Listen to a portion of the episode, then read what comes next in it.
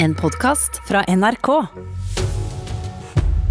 Det ble mye motstand, ikke minst i kulturlivet, da regjeringen annonserte regionreformen. Først kom det et ekspertutvalg, og så kom kulturmeldingen, Kulturens kraft, i november 2018. Og da sa Venstres kulturminister Trine Skei Grande at uh, kulturen var en viktig del av regionreformen. Fylkene skulle fordele mye mer av pengene til de nasjonale institusjonene, museer, orkestre, teatre. 30 eh, fordeler eh, fylkene i dag, de skulle få 70% og det handlet om å fordele makt. Og Lenge har regionene og andre kulturlivet ventet på hva som skulle skje. I dag sier du, Abid Raja, kulturminister, at dette skjer ikke. Hvorfor ikke? Ja, Vi har hatt en veldig lang og grundig dialog både med eh, fylkeskommunene, regionene, eh, men også med kultursektoren. Eh, og eh, Beslutninga var jo meninga at skulle offentliggjøres i utgangspunktet neste uke, eh, i forbindelse med kommuneproposisjonen som legges frem 12. mai. Nå har det blitt betydelig bekymring i sektoren om hva som kommer der. og Derfor har jeg valgt å gå ut med denne beslutninga i dag, at regjeringa går ikke videre med regionreformbiten på kultursektoren. og det er rett etter eh, en sammensatt vurdering, eh, hvor både tilbakemeldingene fra kultursektoren selvfølgelig har blitt lyttet til av kulturministeren, men også at eh, vi har hatt en omfattende dialog med regionene, hvor det ikke har vært mulig å få til noe felles for regionene. og Vi, vi styrer etter det Stortinget har vedtatt. Stortinget har vedtatt et såkalt generalistkommuneprinsippet, som betyr at man skal overføre like oppgaver til regionene. Senest i januar Rett før du overtok, sa Trine Skei Grande, din partifelle, at maktspredning er et mål. De vil gi en bredde til kunstuttrykket. Og det var også et mål at, at, uh, kulturen skulle brukes som identitetsbygger når nye regioner, eller fylker som vi andre kaller det, oppsto. Uh, hvordan kunne det bli forlatt så fort? Altså, Trine hadde jo, eh, hadde jo, har helt rett. Altså, det er viktig at vi har eh, altså, maktspredning. Og det er viktig at eh, fylkeskommunene og kommunene tar altså, lokalt ansvar, og det gjør de også. Det er viktig å påpeke at altså, fylkene gjør veldig mye på kultursektoren. Vi ser f.eks. også under den koronasituasjonen nå, så ser jeg at Møre og Romsdal har stilt opp en tiltakspakke på 22 millioner. Det er en viktig bit at regionene stiller opp med det de kan. Det er viktig at kommunene stiller opp med det de kan, og så er det viktig at staten stiller opp med sitt. Men altså, ditt parti har da dreid ja, men jeg, om. på, nei, men jeg legger ikke skjul på at ambisjonen har vært at man skulle flytte oppgavene eh, til, eh, til fylkene. Det har jo vært Venstres linje og vært, vært, vært, vel kjent. Vi har jo tross alt brukt over et år på denne dialogen. Men samtidig så har det vært en Vi må anerkjenne den massive motstanden som har vært i kultursektoren. Eh, og det er viktig at kulturminister lytter til. Jeg ønsker å være en kulturminister også for kultursektoren, og jeg lytter til de innspillene som de har gitt.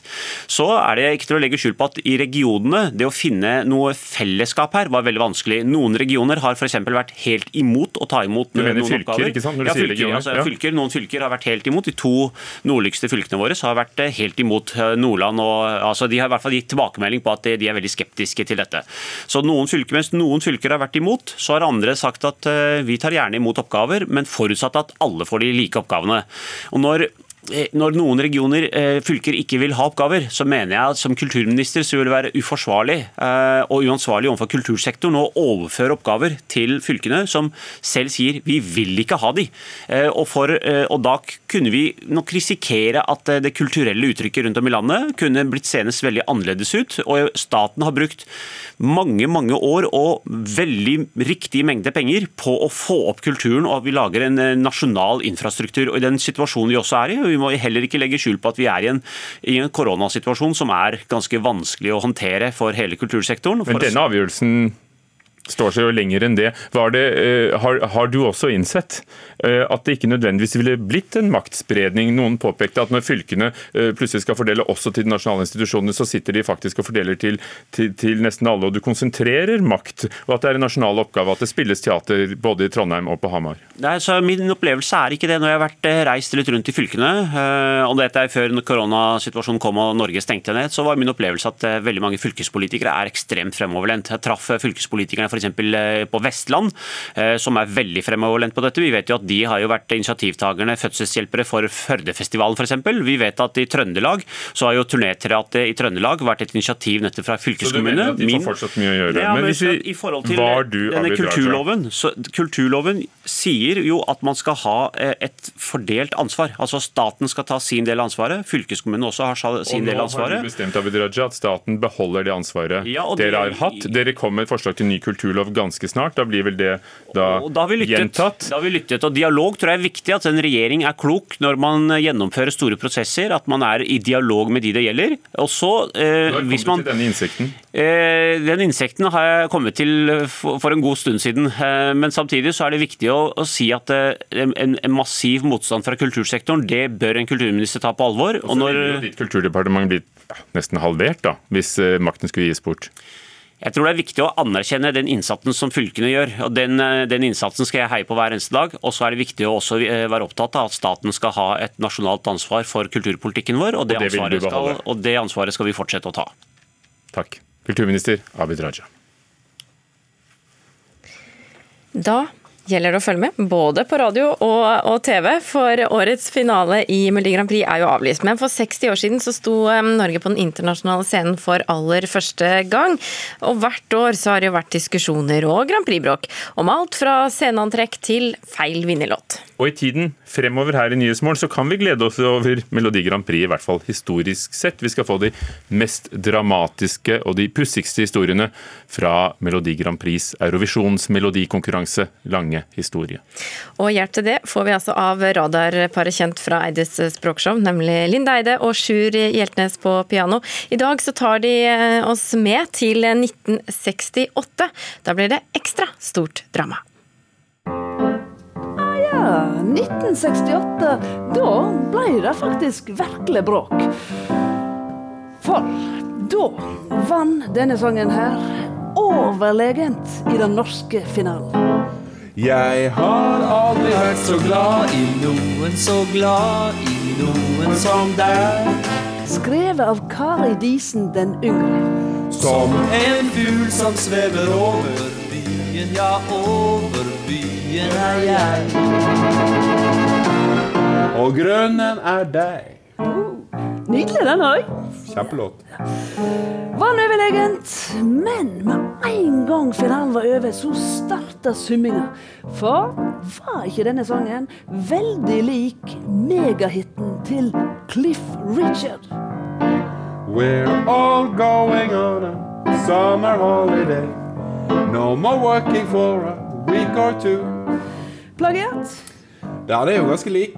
De første seks tonene er helt like. Ja. Hun sier 'Jeg har aldri vært som og Cliffen sier 'We're all going on'. Men så deler det seg, for da sier jo Karidisen 'glad i noen', mens Cliffen sier 'summer holiday'. Så det har jo vært noen plagiatsaker, og ofte så har det jo landa på sju toner. Så det kan jo være at eh, Karidisen akkurat hadde klart seg. Men da får vi aldri vite. For med en gang disse skuldringene kom, så trekte Kari Disen sangen sin. Så ja, vinnersangen var plutselig vekke. Ha! Så der sto NRK altså, uten en vinnersang, og sendte til London. Men de snudde seg rundt og tok tak i den neste beste sangen og fikk av gårde Oddbørre i en felefart, og han nådde akkurat fram til London i tide. Mamma, mamma, mamma, skynd meg, gå, gå, gå, gå, gå, gå, Sigrid, nå, nå, nå, nå, nå. Siste bussen hjem. Ble jo en ikonlåt, dette òg. 13.-plass, rett nok bare. Men det som er skjebnens ironi i denne historien, er jo at dersom Kari Disen ikke hadde trukket låten sin, men dratt med den til London, så ville hun jo truffet på Cliff Richard. Dressen er skreddersydd, selvsagt, og koster 80 guinea. 1500 kroner. For dette året, i 1968, så var jo han superfavoritt på heimebane. Det var her han skulle vinne, i Royal Albert Hall, med det som skulle senere bli megahiten hans.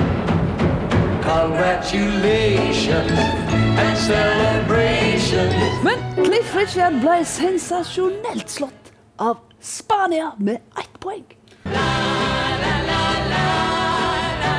Not congratulations, not celebrations. Sånn kan det gå. Linda Eide, Sjur Hjeltnes, som eh, ja, fremover vil eh, se tilbake og ta oss med til Melodi Grand Prix slik det var. Eh, For det er det jo ikke i år for tiden. Nå til Den siste dansen, dokumentarserien om Michael Jordan og basketballaget Chicago Bulls, som altså går, som, går sin seiersgang på strømmetjenesten Netflix. De siste tallene viser at 5,8 millioner amerikanere i snitt har sett altså de eh, seks episodene som er eh, tilgjengelige. Hør her. I want you to feel what I feel. What time is it?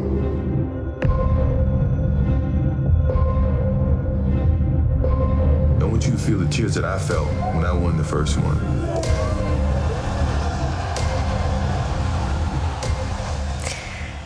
Ja, men eh, dokumentaren den følger jo altså 1997- og 98-sesongen til eh, dette basketballaget. Og kulturreporter Christian Arnesen Strømshoved, hvorfor slippes den her først nå?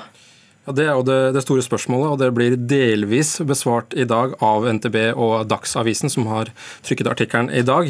Det viser seg at Michael Jordan, den store stjernen, han har hatt vetorett. Han har fått bestemme akkurat når serien skal slippes og hvordan den skal se ut. Og på spørsmål om hvorfor akkurat nå, så svarer regissøren Jason Air at timingen den passet. Michael han gjør det han vil, når han vil. Som alltid. Ja. Du, denne serien har fått skryt. NRKs anmelder har gitt en terningkast fem. Men jeg skjønner at den siste dansen ikke er helt uten forviklinger. Det stemmer. Det er sånn at det har en rekke kilder i denne serien, og tidsvitner. Blant dem er tidligere president Barack Obama. Og han har blitt kreditert i serien som tidligere Chicago-beboer, og ikke president. Og det har jo skapt en litt bølge, spesielt i sosiale medier, da, som mener at det er respektløst overfor mannen som har vært president, og det er nå endret. Nå er det riktig kreditering i serien som ligger ute på Netflix, blant annet. Da er det fiksa. Den siste dansen, altså. Dokumentarserien om Michael Jordan og basketballaget Chicago Pools. Spisesteder og, og, restauranter begynner etter hvert å åpne igjen, med behørig avstand mellom bordene selvfølgelig, og, øh, og, og hansker hos personalet osv. Og, det er sikkert mange som har savnet å kunne gå ut og spise et øh, godt måltid. Kanskje annerledes mat enn det vi lager vanligvis. Og for de som ønsker nå å prøve restaurantmat hjemme, så har vi ikke bare hørt at kjente kokker har laget små videosnutter osv., men vår matkritiker her i NRK har øh, valgt ut et knippe kokebøker Miriam Fadland, velkommen. Tusen takk. Aller først, du er altså matkritiker, og, og det finnes en jungel av matblogger og kokebøker. Hva ser du etter, og hva har du sett etter når du tok med et lite utvalg til oss? Først og fremst så ser jeg etter om kokeboken kan gi meg noe mer enn bare gode oppskrifter. Jeg vil gjerne se at det flyter over av matglede og lidenskap. Og jeg vil gjerne lære noe mer, da, noe generelt om mat eller noen teknikker. Og når det kom til å velge de kokebøkene her, så så jeg etter noen som hadde litt krevde på en måte det lille ekstra da, når det kommer til kanskje tid og eh, engasjement, men som allikevel er tilgjengelige og eh, mulige for tilpassen til folk fra, med forskjellige nivåer av ferdigheter. Da. Den første av de tre, eh, den tar oss med til en rett som pussig nok er blitt uh, veldig populær i Norge. Det er kanskje ikke pussig, men det er pussig fordi det er tradisjonelt ikke norsk rett, nemlig Pizza. Ja, det er Eirik Sevaldsen, mannen bak Lofthus samvirkelag, som har laget denne fine, lille grønne kokeboken. På Lofthus samvirkelag så lager de sånn ordentlig steinovnspizza etter sånn italiensk stil. Og ved hjelp av denne boken her så kan du lage det hjemme også, selv om du ikke har steinovn. Og det fine med denne boken her er at den er så variert. Den har oppskrifter som er veldig sånn hverdagslige, med eh, varer som du kjenner til, som spinat og ost og, eller sånn mozzarella og sånn. Men du kan også ta det et steg over og lage mat med reinsdyr og løyrom og liksom helt annen type pizza enn det du er vant med. Da. Det du bør ha for å lage pizzaen i den her, er en pizzastein. Og jeg vet at mange har det, men de er relativt billige og vel verdt investeringen hvis du er veldig glad i pizza da, og vil ha den ordentlige sånn, restaurantsmaken. Er disse bøkene til å brukes, eller også til å leses? Begge deler. Det er virkelig begge deler. Altså. Eh, jeg synes Det er det som er det fineste med ordentlig gode kokebøker. er At du, du, får utrolig mye mer informasjon enn det å bare lese en oppskrift. Og du kan lære så mye om matlaging. Da. Vi skal østover. Ja, vi skal det. Eh, med denne boken som heter 'Hummus og granateple'. Mat fra Tyrkia og Midtøsten av Vidar Bergum. Og eh, fordi For mange så er jo det å gå på restaurant så handler det om å få mat som er helt annerledes fra den man klarer å lage hjemme. Eh, gjerne fra en helt annen matkultur. Men eh, Man tror kanskje at man ikke klarer å lage sånn mat hjemme fordi den er så annerledes. Men Vidar Bergum er her for å fortelle deg at eh, det kan du. For det er ikke egentlig så vanskelig. Du trenger ikke spesielle redskaper eller teknikker. Og du trenger egentlig heller ikke sånn veldig spesielle råvarer heller. Du kan bruke ting som du er vant med å bruke. Kikerter, eh, persille og sjokolade.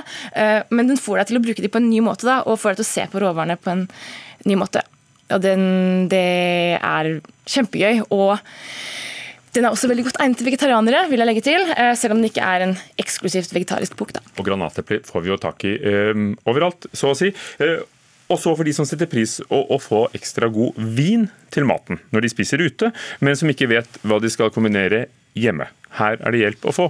Ja, eh, Mat og vin til folket av Klaus og Sara Døscher er eh, perfekt akkurat det her. Og jeg tror ikke jeg er alene når jeg sier at jeg syns at vin og verden av vin kan være litt avskrekkende. Det er så mye å holde styr på. Druer, regioner, eh, årganger osv. I denne boken her så får du ikke bare fine matretter og enkle oppskrifter, men det er jo den der kombinasjonen av hvilken vin du skal velge, som kan eh, løfte smaksopplevelsen til et nytt nivå. Eh, og det som er så fint, er at den ikke bare kombinerer vin og mat, men den forklarer hvorfor akkurat den vinen passer til akkurat den retten, og peker på hvilke smaksnoter som treffer akkurat det det i den retten. Da. Så den eh, er eh, Du kan være din egen vinkelner med denne boken. Mat og vin til folket, Klaus og Sara Døscher. Takk skal du ha. Miriam Folland, du har gått gjennom eh, disse bøkene og, og enda flere kokeboktips på nrk.no anmeldelser. Som det ligger i navnet, der finner du alle anmeldelsene våre. Ja, vi sier det sånn. God appetitt. Du har hørt en podkast fra NRK. Hør flere podkaster og din NRK-kanal i appen NRK Radio.